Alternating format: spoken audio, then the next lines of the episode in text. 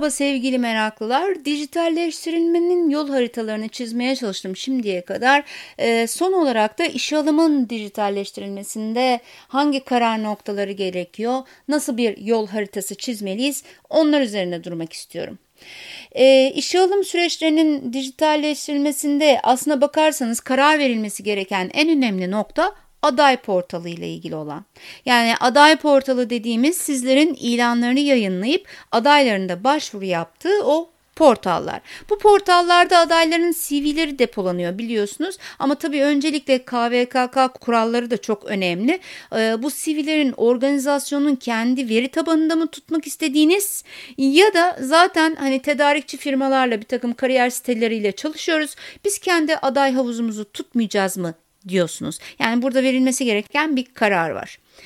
Eğer kendi iç yapınızda CV'lerin tutulmasını istiyorsanız e, tabii ki bu portalın da kendine göre bir takım çalışma kuralları olacaktır. Hani siz bir yazılıma sahip olsanız bile e, ön yüzde bazen değişiklikler yapmanız gerekiyor. Yani o adayların daha ilgi çekici bir hale gelmesi için adaylar tarafından hani girilip e, rahatlıkla orada kendi CV'lerini e, ekleyebilmeleri için bir takım ön yüz çalışmaları işte cicili bicili renkli bir takım tasarımlar gerekiyor gerekebilir. Burada da hani kurumsal iletişim, pazarlama artık hani organizasyonun yapısına uygun olarak hangi birimler bu konuda destek verecekse insan kaynakları projelerinde onlar da destek veriyorlar. Hmm. Ama tabii bu zorunlu değil. Yani yazılımın da kendine göre bir arayüzü var. Hani o standart olarak onu da kullanabilirsiniz. Eğer aday havuzunuzu hani biz kendi veri tabanımızda tutmayacağız. E, zaten bir e, kariyer sitesiyle anlaşmıştık. İlanlarımızı oraya koyuyoruz. Adaylar da oraya başvuruyor. Biz de kendi içimizde böyle bir CV havuzu oluşturmamıza gerek kalmıyor da diyebilirsiniz. O zaman bir başka konu çıkıyor ama ortaya. O da e, yazılımın yani sizin CV'lerle ilgili işlem yapacağınız o yazılımın e, o kariyer siteleriyle entegrasyonun olup olmayacağına. Yani entegrasyon genelde yapılıyor. Hani sistemler bunu yapıyor. Ben burada sistemler yapıyor mu yapmıyor mu diye sorun demiyorum. Ama bunu siz istiyor musunuz? Onu soruyorum. Çünkü eğer bir CV havuzu olan kariyer sitesiyle entegrasyon yaparsanız sizin ilanınıza başvuran CV'ler sizin veri tabanınızda yer alacak ve siz işe alım süreçlerinizi otomatik olarak öyle yürüteceksiniz. Ama eğer entegrasyon yapmayacaksanız o zaman bu sitelerdeki ilanlarınıza yapılan başvuruları sizler aldığınız o e, yazılıma da manuel olarak tekrar girmek zorunda kalacaksınız. Tabii böyle bir şeyi değerlendirirken yatırımın geri dönüşünü de iyi hesaplamak gerekiyor. Bu tür bir entegrasyonun maliyeti bir yanda e, yılda ne kadar ilan verdiğiniz o ilana yapılan başvurular işte oradan kaç kişi aldığınız bir başka yanda. Yani burada kar zarar hesabını yapıp bu yatırımın geri dönüşünü hesaplayıp ona göre karar vermekte fayda var. Çünkü sonuçta bu tür entegrasyonların da belli bir maliyeti var. Oh yeah. Aday havuzunu bir şekilde hallettik diyelim. Öyle ya da böyle. İşte CV'ler sizin veri tabanınıza işleniyor diyelim. Burada CV konusuna bir ara vereceğim. Ee, bir karar noktası daha var aslına bakarsanız eleman isteklerini nasıl takip edeceksiniz? Yani yöneticileriniz işte benim şöyle bir elemana ihtiyacım var dediği nokta nasıl ilerleyecek? Hani sizi koridorda görüp de bana yapılıyordu Funda işte bana şu şu tipte bir adam e, ihtiyacım var alsana gibi. Şimdi tabii böyle mi yürüyecek? Yoksa eleman talepleri yapılacak yöneticiler tarafından belki üst düzey yöneticiler tarafından kabul edilecek, reddedilecek veya siz kabul edip reddedeceksiniz İK olarak. Ondan sonra bu e, sisteme uygun yani bu yöneticinin isteklerine uygun sizin de eklediğiniz kriterlerle otomatik olarak ilanları açacaksınız. Yani böyle bir süreç ilerleyecek mi ilerlemeyecek mi? Tabii buna da karar vermeniz gerekiyor.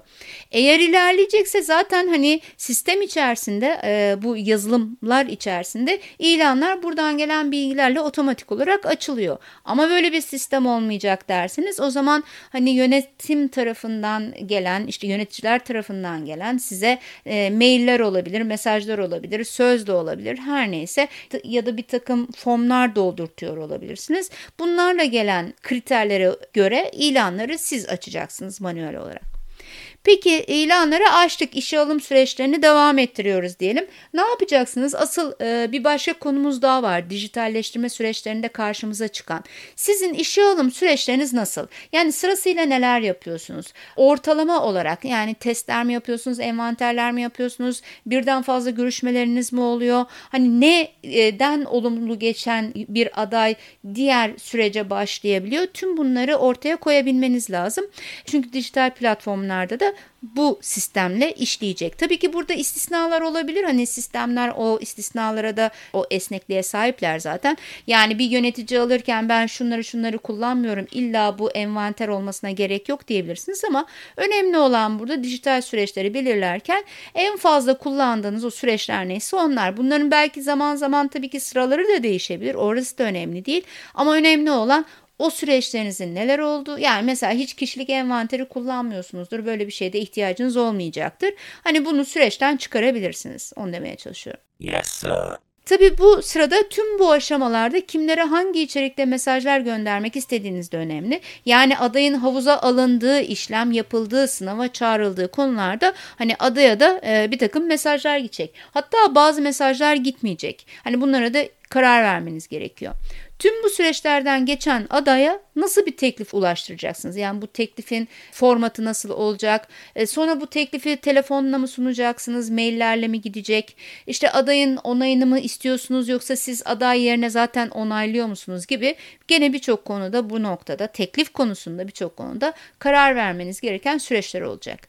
E tabii ki aday teklifi kabul etti diyelim. Doktor kontrolü var değil mi? Bazı şirketlerde çok önemli. Hani siz mi yaptırıyorsunuz? Doktorunuza mı gidecek kişi? O zaman doktorla nasıl bir iletişim sağlayacaksınız? Tüm bu süreçleri de yine dijital ortamlarda yürütebiliyorsunuz. Bundan sonra da onboarding işlemleri başlıyor tabii. Hani aday teklifi kabul etti, işe alım süreçleri başlıyor. İşte ne bileyim bilgi sistemlerinde kullanıcılar açılıyor, yemek kartları, güvenlik kartları değil mi? Masasının işte ıvır zıvırının oluşturulması, düzenlenmesi. Tabii bunlarla ilgili kimler sorumluluk sahibi, kimlere bilgi gönderiyorsunuz, kimler yaptım yapmadım diyor. Gene tüm bu işlemler için dijital süreçleri kullanabilirsiniz. Tabii bu işlemler yapıldıktan sonra entegre bir sistem kullanıyorsanız eğer yani özlükten başlayan organizasyon işte ücret sistemleri, performans, eğitimler tüm buralara da bilgi gitmesini sağlıyorsunuz demektir. Yani özellikle işe alımdan bir sonraki süreç özlük süreçleri oluyor bildiğiniz gibi. O zaman kişilerin zaten işe alımda girdiğiniz birçok bilgisi var. Eğer böyle entegre sistemler kullanıyorsanız işe aldığınız kişinin özlük bilgilerine gönderilmesi, özlük işlerinde eğer farklı kişilerse bunlar, özlük işlerindeki kişilerin de bu kişinin işte hangi pozisyonda, hangi ücretle e, işe alındığının sisteme kaydedilmesi, işte bir sicil verilecek onlara, sicil verilmesi, ardından işte ne bileyim sertifikaları da eğitimleriydi gibi bilgilerin belki detayda hani özlük işlerindeki arkadaşlarımızın o personel dosyalarını aldıktan sonraki işlenecek verilerin de işlenmesinden sonra son halini bulacak bu süreç. E, genel hatlarıyla işe alım süreçlerinin dijitalleştirilmesinde hani karar verilmesi gereken nasıl bir süreç işleniyor, nasıl bir yol haritası çıkarılabilir? Hani bunları anlatmaya çalıştım. Aslında burada dediğim gibi üç tane konu çok önemli. Yani bir tanesi aday portalı sizin e, mi olacak yoksa kariyer sistemleriyle entegre mi çalışacaksınız?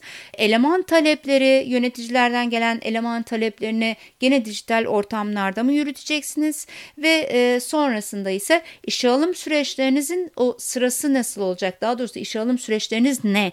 Ve sonrasında o sıra nasıl olacak? Bunlar önemli. Tabii bunlarla beraber işe alım e, yapan kişilerin dışında işte doktordu, güvenlikti, bilgi güvenliği ile ilgili bilgi sistemleriydi gibi birçok e, kişinin de sorumluluklarının ne olacağı, bu sistemde hangi yetkilerle yer alacaklarının da belirlenmiş olması gerekiyor.